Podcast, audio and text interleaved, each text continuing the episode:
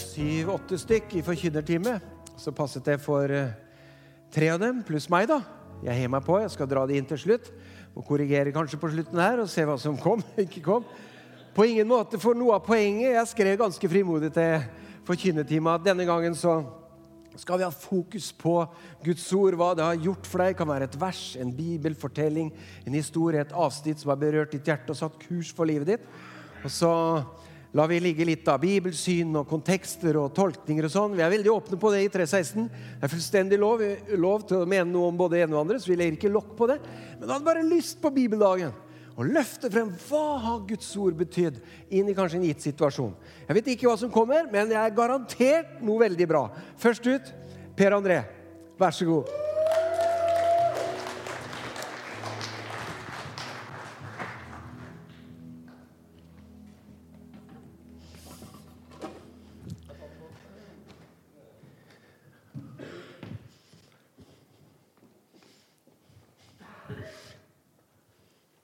Jeg tar det på rapp. Er det greit? Jeg skal ikke det. Men eh, det her er en bok som jeg har sovet med under puta. Jeg har sovet med den på brystet. Jeg har hatt den med meg høyt og lavt. Både rent billedlig og rent fysisk. Eh, Jeg har lurt på noen ganger hvorfor det har blitt sånn at, eh, at Bibelen har blitt så utrolig viktig for meg. Det må jo ikke være sånn. Og så har jeg titta meg litt tilbake og sett på noen sånne vendepunkt i livet. Et sånt vendepunkt det var eh, da jeg var i midten av tenåra og mine foreldre skilte lag. Det var en sånn derre eh, teppe forsvinner, dras vekk under beina dine-opplevelse. Og da, i den tunge tida, så tror jeg det kom fort til meg at eh, her gjelder det å søke mot Gud og det som har med Guds rike å gjøre. Og da ble det sånn at jeg søkte mot Bibelen, og jeg søkte mot eh, mer aktivt menighetsliv og det å snakke med andre folk for å finne ut av hva dreier det her seg om. Hva, hva består Guds rike i? For jeg trengte noe som var større enn meg sjøl. Jeg trengte det fundamentet og det opplevde jeg at jeg fikk gjennom å ta til meg av Guds ord.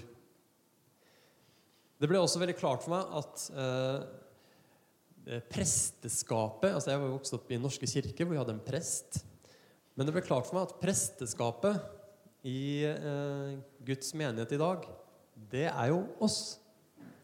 Det er oss vanlige mennesker. I gamle pakt så gjorde man jo tjeneste liksom, inn i aller helligste i tempelet, og det var liksom bare noen få utvalgte. Men sånn er det ikke nå lenger, for nå er, nå er det vi som er tempelet. Mm.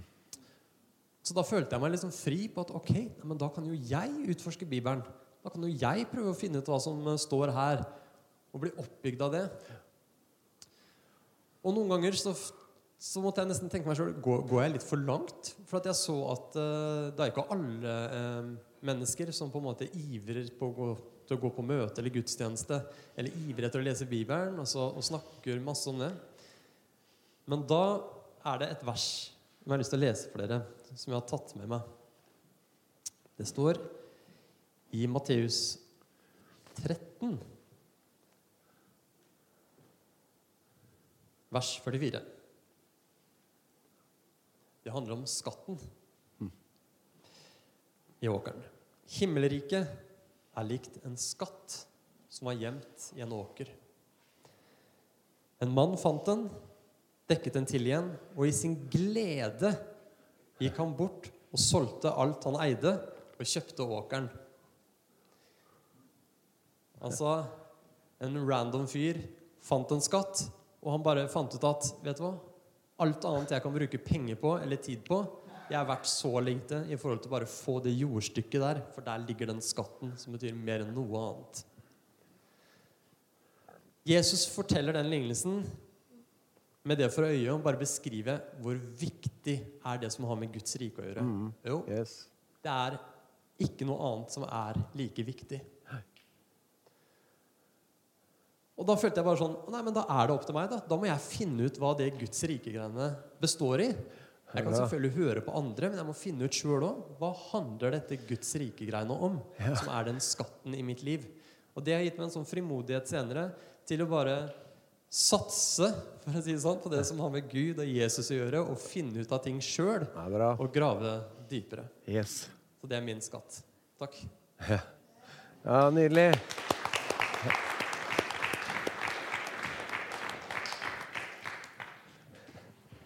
Yes, Nydelig. Nydelig med morsdagen. da. Rune sa at du må ikke la morsdagen få gå, forbigå i stillhet. Jeg har prøvd det, jeg. Det anbefales ikke. Du vet jo ikke hva som skjer før du har prøvd det, tenker jeg. Eh, Det var ikke med vilje, selvfølgelig. Eh, Og noen sier det var sikkert for mange år siden. Nei, det var i fjor. Så hun er ikke her, så det er greit å legge alle korta på bordet. Så kan dere si at jeg har gjort det. yes, eh, Takk for utfordringen, Rune. Jeg må, jeg må ha litt manus eh, på det jeg skal si, men det tåler dere sikkert. Mine aller første minner om Bibelen det var fra jeg var ganske liten. egentlig. Jeg er ikke oppvokst i noen kristen familie, men eh, de aller første minnene var eh, Mamma og pappa fikk en bibel da de gifta seg. Det var noe gammel, flott med gullskrift og greier. Eh, og Jeg bladde nok mest i den, fordi at jeg, faren min døde veldig, da jeg var veldig veldig ung. Så jeg bladde nok mest i den bare for å liksom lese navnet til pappaen min. og liksom fikk Jeg følte at jeg fikk en sånn der, eh, jeg tenkte på etterpå, det selvfølgelig lå det jo noe der, men eh, jeg fikk nok en sånn veldig nærhet til den boka og til pappa da, gjennom den boka. Så jeg bladde ofte i den boka. Jeg husker, jeg tok, jeg husker det titt ofte jeg tok fram den og bare bladde litt på starten og leste første vers til første Mosebok. Jeg har sikkert lest mest av alt i Bibelen før jeg la tilbake igjen. Skjønte ingenting, selvfølgelig. Eh, men den 27. juni 2002 gikk jeg klokka 13.47 i kasse 2 på H.C. Andersen eh, bokhandel i Halden og betalte 500 kroner kontant og 298 med kort for min aller første bibel. Hvordan vet du det? tenker du? Jo, for jeg har selvfølgelig kvitteringa. Eh, det var en veldig spesiell eh, opplevelse. Jeg husker ikke hvorfor jeg gjorde det. Jeg husker bare at det, liksom, det føltes veldig riktig. Jeg husker jeg sto veldig lenge inne i bokhandelen og skal jeg tørre å gå bort og kjøpe noe? Jeg var redd for at folk Jeg var, jeg var flaut, og jeg lurte på liksom, folk trodde at det rabla for meg. eller hva det, hva det var for noe. Men til slutt så manna jeg meg opp, da gikk bort til kasse to og dro kortet og betalte med den 500-lappen jeg hadde i lomma. Um, og for deg som har kjøpt, uh, kjøpt noen bibler opp igjennom, da, jeg har kjøpt en del bibler opp igjennom, så vet dere at dere får med en sånn fin eske. Det ble, min, det ble min skattkiste. Det her er faktisk min første bibel som jeg kjøpte. Flott, vet du. Ligger inne i flotte esker og greier. Bibelen, Guds ord. Den kjøpte jeg da jeg var i militærtjeneste i Halden. Eh, den esken her, Jeg hadde med meg Bibelen på brakka. Det var ingen som så den, selvfølgelig. For det var ingen som, var ingen som jeg var i militæret sammen som visste hva en bibel var. for å si det sånn. Og de skjønte ikke hva jeg hadde oppi den esken. de visste selvfølgelig ikke hva jeg hadde i den esken. Den esken den hadde jeg med meg. Og så tok, hver gang jeg leste, så åpna jeg esken. Det var som en skattkiste hver gang. Tok ut boka. Ante ikke hva jeg leste. Jeg, var, jeg vet ikke hvorfor jeg gjorde det der. Jeg var ikke frelst eller noe som helst. Det, bare, det føltes veldig riktig. Og jeg leste og leste og leste masse. Eh, men så kom Og jeg var jo selvfølgelig jeg ser nå i ettertid at jeg var jo veldig kalt av Gud. Eh, egentlig helt fra jeg ble sammen med Maria, kona mi, tilbake i det begynner å bli mange år siden, i 97. Eh, og det her var i 2002. Og imellom der så var det mange år som jeg virkelig var dratt av Gud. Eh, og jeg kjøpte da som sagt den bibelen i 2002. Og så var det noen måneder etterpå der som, jeg, som på en måte ble et vendepunkt i livet mitt. Da Da var jeg med svigers, Gunnar og Lena, og Maria. Vi dro på OKS. Jeg hadde hørt om OKS, eh, og det var et sted som jeg veldig gjerne ville dra til. Som jeg også følte meg dratt mot. Men jeg turte selvfølgelig ikke å spørre noen om hvor det var. For jeg var igjen jeg var flaut, og folk trodde det rabla for meg. Husker hva der å gjøre, liksom. For det var ingen av mine venner som var kristne. for å si det sånn. Eh, Så endelig så skal jeg få komme på OKS. Og så husker jeg, husker jeg veldig tydelig Vi gikk ut av bilen, og jeg tok da den her skattkista mi med meg under armen og var på vei inn på møtet. Hvorpå Maria nesten kasta meg inn i bilen igjen. Og så er du helt utafor. Du kan ikke ha med deg esken til Bibelen inn på møtet. Si det her er jo, For meg så var jo det liksom Sette seg ned og åh, åpne skattkista. Og ta ut Bibelen. Og hun var sånn Du kan ikke ha med deg esken på møtet. Bibelen skal være slitt. Den skal ikke se ny ut. Eh, jeg er helt motsatt. For meg så er Bibelen veldig hellig. Den skal være helt Det her er min første bibel. Det er som man var kjøpt i går. Det er ikke en kulepenn streke. Jo, det er det. Men det, det ble veldig hellig for meg, denne her boka. Eh, og det, det var en fantastisk opplevelse. Jeg skal komme litt tilbake til det etterpå. Men Bibelen den har vært inspirasjon for meg eh, til å gjøre alt mulig så rart gjennom livet. Eh, akkurat som den er inspirasjon til Rune hver eneste søndag til å, eh, til å fortelle evangeliet om Jesus på forskjellige måter. Eh, jeg vil lese noen tekster fra dere, som er et, eh, bare noen små utsnitt fra andre mennesker som har latt seg inspirere. Det er ikke tekster som står i Bibelen, men de eh, kunne gjort det. Og det er da på inspirasjon fra Bibelen. Mange av dere vil sikkert kjenne en masse av det. Eh, Det er sangtekster. Eh, For meg som er musiker, så, så høres det kanskje rart ut. For at musikken setter jo alltid en sånn ekstra spiss på, det, på det du, liksom teksten får en ny mening når du får melodi. da. Men for meg så blir det litt sånn at hvis du tar bort melodien og bare leser teksten, så blir det nesten sterkere for meg. Så jeg skal ikke synge for det. Det hadde jeg ikke gjort uansett. Men jeg skal lese noen få tekster. Det er makt i de foldende hender. I seg selv er de svake og små. Men mot allmaktens Gud du dem vender. Han har lovet at svar skal du få. Det er svar underveis. Engler kommer med bud. Om det drøyer, dog fram det skal nå. En annen tekst. O Jesus, du som fyller alt i alle. Så rik på miskunnhet og nåde er. Jeg, lik Maria, for din fot vil falle. For intet hvilested er skjønt som her. Min frelser kjær, ditt skjønne navn jeg nevner. Ifra mitt hjertes dyp jeg priser deg, og alle tvilens mørke skyer revner. Din nådestol skal gjennomstråle meg. Det er fantastiske ord. Kunne stått i Salmenes bok. Eh, en til, som dere sikkert drar kjensel på. Din nåde er stor, din kjærlighet evig. Ditt ord er lys for min fot. Du har vunnet meg, og jeg er takknemlig. Å kjenne deg nær gir meg mot. Det er noen som kjenner henne her. Så lurer dere kanskje på hvorfor bruker jeg så mye tid på å sitere alt annet enn Bibelen, eh, når det er faktisk Bibelen som skal hylles. Men det er som sagt så er det alt på måte her bygger på Bibelen. da. mm. blitt inspirert fra Guds ord. Eh, det er formidlinger av Jesus Kristus, eh, som er både din og min frelser, gjennom inspirasjon fra Bibelen. Og Rune sa til meg når jeg fikk den utfordringen her, at da kommer det vel sikkert litt nåde fra deg, da, Ole Henrik. Så Nei, det skal du ikke se bort ifra. Eh, For meg, for meg da, så er Jesus Jesus har ikke noe betydning uten nåde. Hele Bibelen vil komme til kort uten nåde. Mitt personlige forhold til Jesus er 100% basert på nåde. Eh, nåde er, som dere sikkert vet, det er ufortjent godhet. Eh, og jeg elsker det, og jeg elsker det verset som jeg snart skal lese for dere. Eh, men Bibelen forteller en helhetlig historie om hvordan jorda ble til. Eh, mennesker ble skapt i Guds bilde, syndefallet, splittelsen fra Gud. Så er det mange da som dessverre låser seg fast i denne splittelsen og leser Det gamle testamentet med all den, der, den store sinna guden som står her og skal straffe oss, og tror at vi fortsatt er der. Det var det som ble sånn der livsforvandlende for meg da når jeg hørte en pastor som sa at du må forsone deg med den forsonende Kristus. Den forsonende Gud. Vi har en forsonende Gud. Han er ferdig med det. Eh, Jesus er, eller Gud er ikke sinna lenger. Og da står det, og det ble et sånt bibelvers for meg som ble det kan vi få opp det, har jeg satt der, 2. Korinter 5. Eh, det ble sånn veldig sterkt for meg første gang jeg så det. Jeg leser.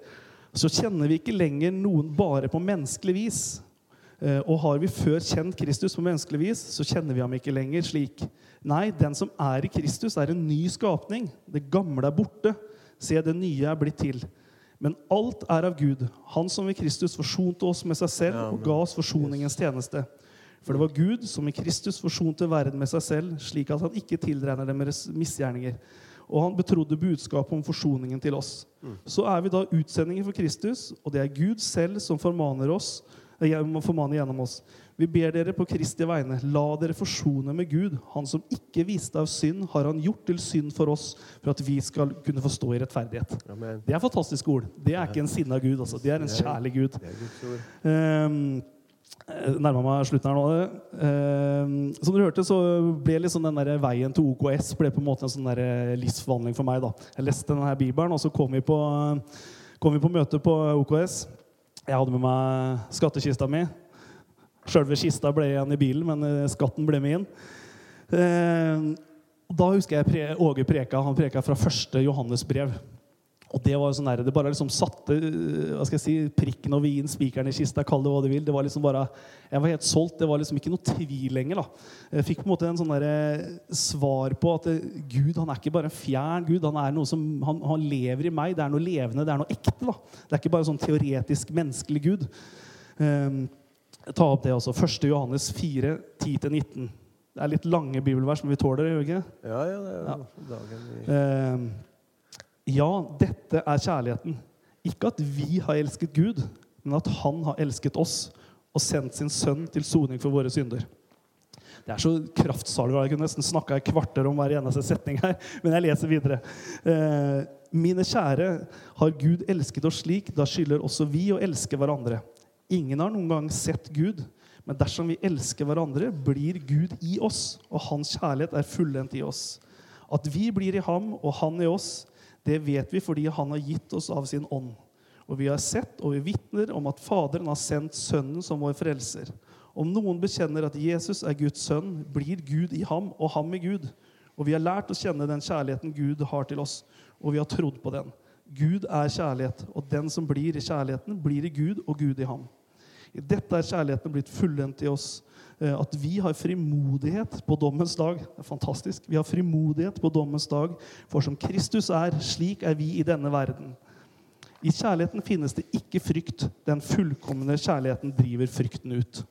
Det er eh, kraftsalver, altså.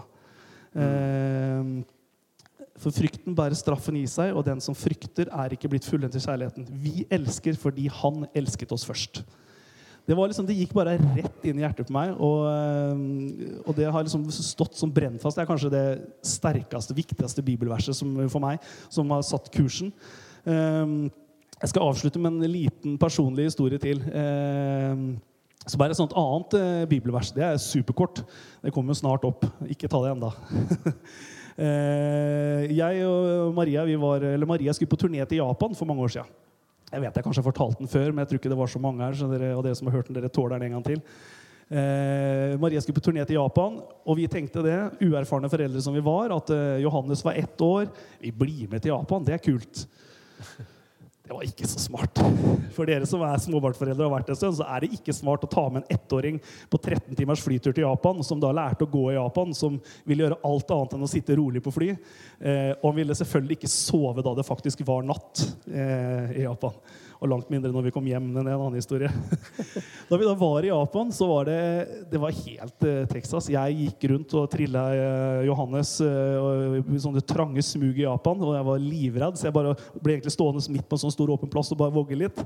Eh, Maria var ute og sang konserter. Hun fikk ikke sove fordi Johannes skrek, og det var et mareritt. Og Den ene kvelden så toppa det seg liksom virkelig. Vi hadde ikke sovet på mange dager. Maria var helt desperat. Hun hadde gått seg bort i Japan. i den svære byen. Det var helt krise.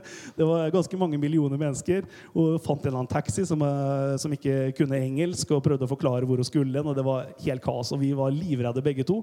Og så hadde jeg hørt så mange fantastiske historier da, om disse der predikantene og alle de store opplevelsene. Bare, bare gjør sånn. Der. Der står det du trenger. Ikke sant? Og det fantastiske vitnesbyrd. Så tenkte jeg nei, det der skal jeg prøve. og jeg blar opp, setter fingeren ned, og bam! Hva sto det der? Vi vil at dere skal vite, søsken, om den nød de led i Asia. Det er ganske morsomt. ikke sant? Det blir en sånn humorgreie. Men du skal bare vite Det var, det bare var som et sånn børseskudd. Bare, ja, det er klart du vet Jesus. Det er klart du vet åssen vi har det. Det er klart det her ordner seg. Jeg ledde mye av det etterpå. Dere ler, dere òg. Det er utrolig morsomt. Men det, det også ble sånn derre det er ikke et veldig sterkt bibelvers, det er ikke det. men uh, for meg så var det veldig sterkt der og da. For Jesus han ser alt, han. Til og med når du ikke får sove når du er i Japan. Takk for meg.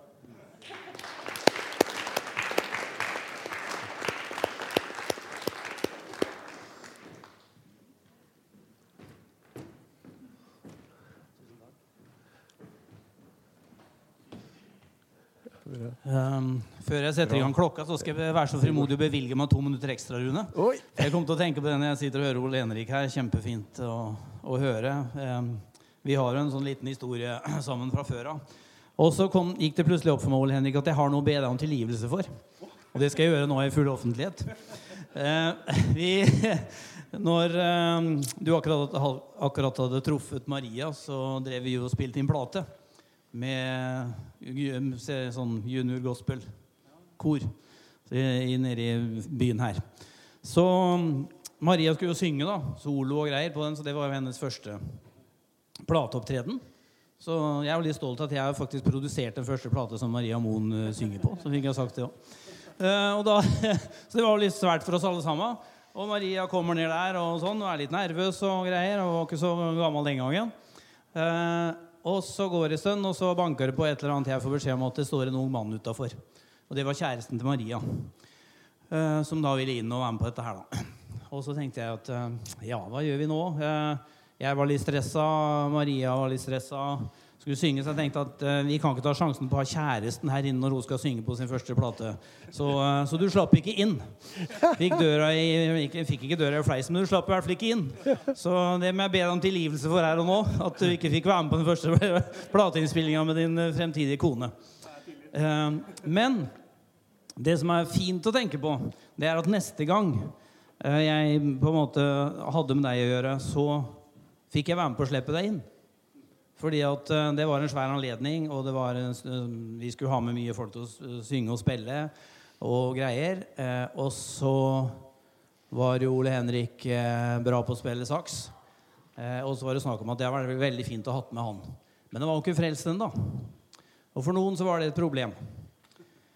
Eh, og så tenkte jeg at eh, nei, her må vi være rause. Her må vi her må vi se stort på ting. Eh, så eh, da fikk jeg være med og slippe deg inn.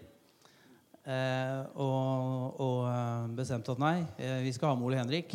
Eh, Åge Åleskjær preka på det møtet, og jeg vet at det ble livsforvandlende for deg. Så derfor er jeg veldig glad for å være med i en sammenheng hvor vi er rause og, har, og, ser, og ser stort på det, og kan få være med å slippe mennesker inn i Guds rike.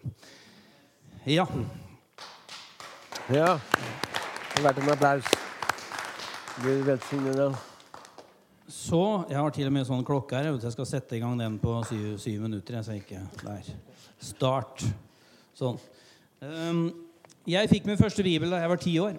Den fikk jeg av pappa Einar. Og det er den bibelen her. Den var ikke så svær. 1930-oversettelsen. Rune og jeg har lest den fram til vi var 19 år ca. For i 78 så kom det nye. Så hvis du hører at det glepper noen ganger, sånn at Rune sier han skal lese fra Filippenserbrevet og sånn, så er det da fra 1930-oversettelsen. Ja, altså, vi, vi har noen sånne ting som henger igjen der. Da. Det var en sånn eh, liten miljøskade. Men der eh, hadde han pappa Einar streka under noen vers som han ville at jeg skulle ha med meg gjennom livet. Så det er 50 år siden, og jeg har hatt med meg gjennom livet, og vi skal få dem opp her, tror jeg. Det var fra Hebreerbrevet 11, hvor det står om alle, alt hva folk gjorde. I tro, så står det. I tro nektet Moses, da han ble stor, å kalle sønn av faraos datter. Han ville heller lide vondt sammen med Guds folk enn å nyte synden en kort tid. Han holdt Kristi vanære for en større rikdom enn skatten i Egypt, for han så fram til lønnen. Det er kanskje ikke det mest tilgjengelige versa, men av en eller annen grunn så ville han eh, pappa Einar at jeg skulle ha med meg de. Og de har fulgt meg gjennom livet. Eh, og det som er fantastisk med bibeltekstene, det er at mens jeg eh, forbereder meg nå til morgenen da, så bare datt det noe ned i meg en side ved det verset som jeg ikke hadde sett før. Selv om det har fulgt meg i 50 år. For eh, jeg regner med at det han Einar ville, da, det var at når Moses ble stor, så måtte han ta noen egne avgjørelser. Men så står det i tro nektet Moses. Og hva var det Moses nekta for? Moses var blitt født inn i, inn i eh, hoffet ved Egypt og var blitt staka ut en kurs og sagt at Moses, du er en, du er en prins i Egypt. Og så etter hvert så skjønte Moses at eh, her er det noe mer. Det her stemmer ikke. Det her er ikke mitt egentlige opphav. Og så nekta han for det. Vi tar noen valg i livet. Vi tar noen verdivalg. Vi velger noe. Vi velger noe annet bort. Så det som Moses nekta for, det var at eh, jeg nekter for at det her er mitt egentlige opphav. Vet du hva jeg nekter for? Jeg nekter å tro at du og jeg blir til ved noen tilfeldige kosmiske krefter som en gang krasja ute i verdensrommet. Og så ble det evolusjonen før gjorde at det ble liv og alt det der. Ja da, vi kan diskutere, altså, greit med evolusjon, men det som er mitt opphav, det er noe helt annet enn det. Yes. Det var noen som så langt fram en dag, og det var Gud, som var full av kjærlighet, og som ville dele all sin herlighet med deg og meg. Noen så langt fram, og derfor så tror jeg det er viktig at vi òg ser langt fram. At Moses skjønte at nei, det her er ikke min egentlige skjebne. Jeg må velge min egen skjebne. Eh, og når det gikk opp for han at Gud var hans opphav, og at Gud hadde helt andre planer, så fikk det konsekvenser for hva Moses valgte. Så de som driver med investeringer sånn på økonomiområdet, de vet at det er de langsiktige investeringene som gir størst avkastning. Det kan være vanskelig å se det sånn med en gang, men det å tenke langt fram og tenke at ja, det er mye som kunne vært moro akkurat nå, det er mye som kunne vært moro å bruke pengene sine på akkurat nå, men hvis du investerer, tenker litt lenger fram, så vil det lønne seg, faktisk. Så Moses, det står at han så fram til lønnen. Det er lov, det. Det er en gammel sang som heter 'Det lønner seg å tro på Gud'. Ja. Hva enn behovet er, det lønner seg. Ja, det stemmer, det. Jeg tror, jeg tror på det. Så, så det står at eh, Moses han valgte da bort det å ha en kortvarig nytelse av synden, som det står i, i 1930-oversettelsen. Ja. Og vi hørte jo veldig mye om det når jeg, når jeg vokste opp. ikke sant? Og, og synd det var jo stort sett alt som var moro. Det var synd. Eh, Så for noen er jo det fortsatt et ganske klamt begrep, det med synd. Og jeg, jeg, jeg skjønner det fordi at det har blitt så misbrukt. Men samtidig synd er et veldig anvendbart og veldig godt begrep. Fordi at synd er nemlig navnet på alt det som skiller oss fra Gud. Navnet på alt det som Synd betyr egentlig å bomme på målet. Derfor er det viktig å snakke om synd. Det som gjør at vi kan kanskje synde mot hverandre, eller vi kan synde vårt, mot oss sjøl ved å ta feil valg og kortsiktige valg. Og vi kan synde mot Gud også. Derfor er det viktig å snakke om synd på en, på en god måte. Eh, For vi vet at Gud har gitt oss noen, eh, noen leveregler og noen råd og noen bud for vår eget beste skyld. Og Derfor er det bra å, å tenke på det. Så eh, Derfor er det godt å tenke på at de versene som, som min pappa streka under den gangen Ikke bare har det fulgt meg gjennom 50 år, men det gir også ny innsikt. Så derfor er det fint å, å vite at uh, det som står i denne boka her eh, jeg, hørte, jeg skal avslutte med det, for jeg hørte på til morgenen da, så var han Tom Christiansen som uh, var uh, fått Språkrådets pris nå for sin journalistgjerning gjennom mange, mange år. Han snakka om hvor viktig det med språket var for han. Og så sa han samtidig at du, du må beskrive ting hvordan det er. og Du kan ikke bruke klisjeer. Og så sier han og så må du lese Bibelen. Du må lese Bibelen, for der er det språklige opphavet vårt. Der er alle de stående uttrykka som vi bruker, men som kanskje folk ikke vet hva er. Så det å lese Bibelen, sier Tom Christiansen på radioen til Moranda, det er kjempeviktig. Takk for meg.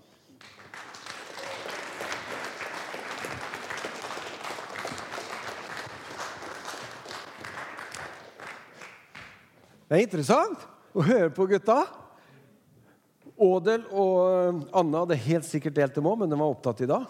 Så det er ikke noe sånn kjønnsfordeling her. på noen måte.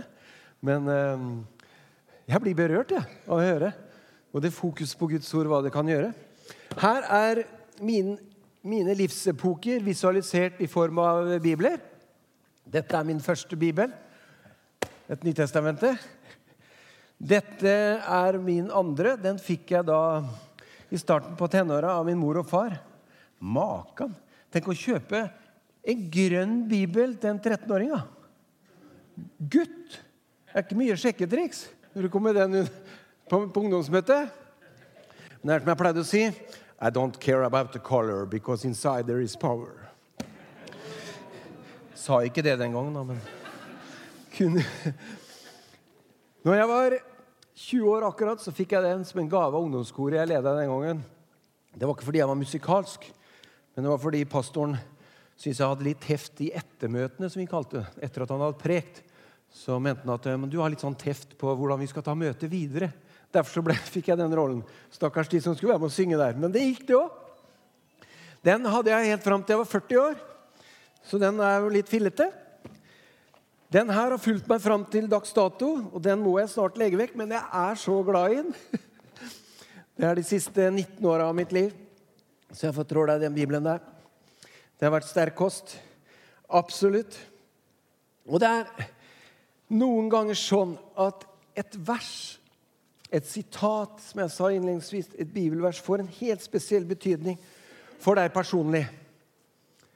Og jeg skal referere et sånt tilfelle i mitt liv. Jeg tror det er mange av dere som sitter her, som har smakt på de versa som dere har som deres eget nå, mens de ulike har delt her. Overbevist om det.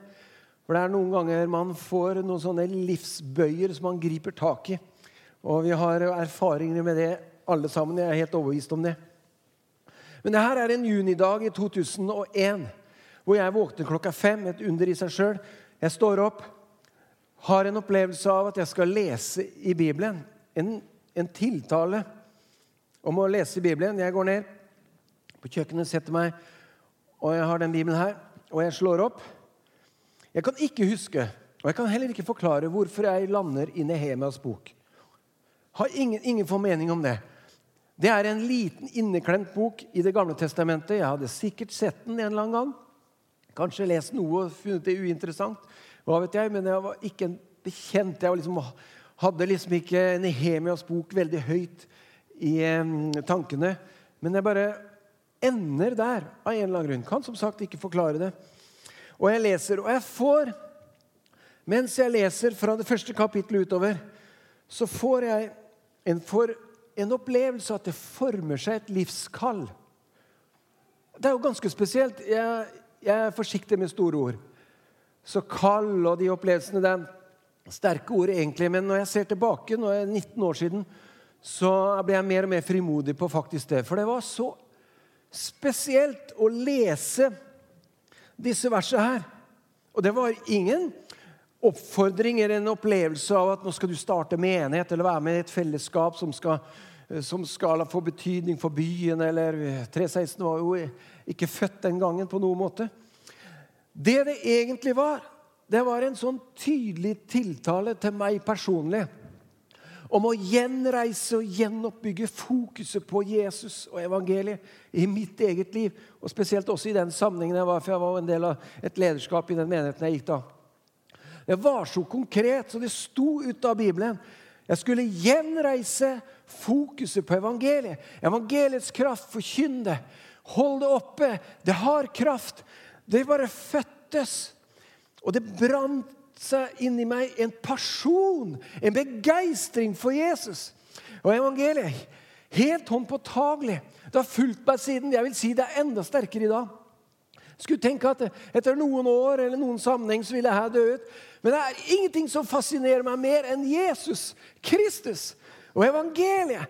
For jeg vet, og jeg tror det har et mye større potensial enn vi noen ganger kan se for oss. Og tenk flere tusen år gammel historie hadde jo ingen relevans for meg. 2001, flere tusen år etter. Men det er akkurat sånn som Guds ord fungerer. Vi har delt ulike sider her. Dette er én type eh, side ved evangeliet og ved Guds ord. Ut av det blå. Du kan lese noe som ikke har relevans. Asia hadde jo for så vidt det. Det var for landsdelen, eller i hvert fall den delen av kloden. Men, men så står det opp noe som får gitt deg en kursendring, en retning, en person. Og jeg lever nærmest på dette gudsordet og på de her innspillene den dag i dag. Det har vært så byggende for livet. Så fra den dagen så har mine valg vært preget av det Guds ord talte til meg om. Derfor er min anbefaling Vi skal gå mot slutten, vi skal lovsynge sammen her, og vi har mulighet for forbønn. Men jeg vil anbefale deg i denne digitale verden å skaffe deg en fysisk bibel. For meg så er den her, Jeg vet ikke alltid hvor ting står, men det kan komme et bibelvers opp i min tanke. Og jeg vet at jeg er litt nede på kolonne to til høyre i Korinterbrevet. Og, så, og der leser jeg, og der er det streket under. Jeg finner mye lett fram. Altså, det er et oppslagsverk i guddommelig tiltale, så du må få deg en fysisk bibel. Selv om du har muligheten digitalt og sånn. Kjør podkast, kjør lydbøker. alt men det kan du gjøre mens du kjører bil, f.eks. Du har muligheten utenom. Men få deg en fysisk bibel og begynn å lese den. Gjør den til din. Guds ord forandrer oss. Guds ord har det i seg. Den har iboende kraft. Evangeliet om Jesus er mektig, kraftfullt, sterkt. Skal vi feire det, folkens? Vi må tilbe Jesus. Vær så god, kom opp. Det må vi gjøre. Og vi har jo alltid sånn at hvis du ønsker en samtale Her er det jo fire som har forkynt. Så kan du komme fram, eller du kan ta tak i dem i etterkant. Ønsker du å be sammen med noen? Har du noe som du bærer på, som du bare må få løst opp i, så kan forbønn, samtale, være akkurat det du trenger. Vi har forbedere her i dag. Vi har Vidar, vi har Bjørg, Steinar. Det er bare å komme frem. Dere kommer frem under lovsangen her, så dere gjør dere synlig. Så har du mulighet til å ta tak i de folka her. Og så feirer vi Jesus. Kan vi ikke gjøre det? Feire Guds ord.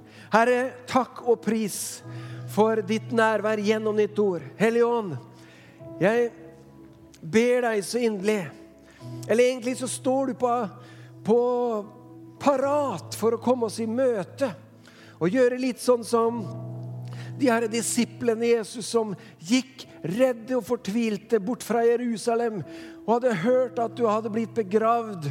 Hadde hørt at du hadde dødd på et kors, og de tenkte at alt håp var ute. Og så kommer du der mens de går på vei til Emmaus. Og så spør du hva er det dere går her for. Hvorfor er dere så nedtrykt? Har du ikke hørt det? Har du ikke hørt det? Jesus er jo død. Alt håp er ute.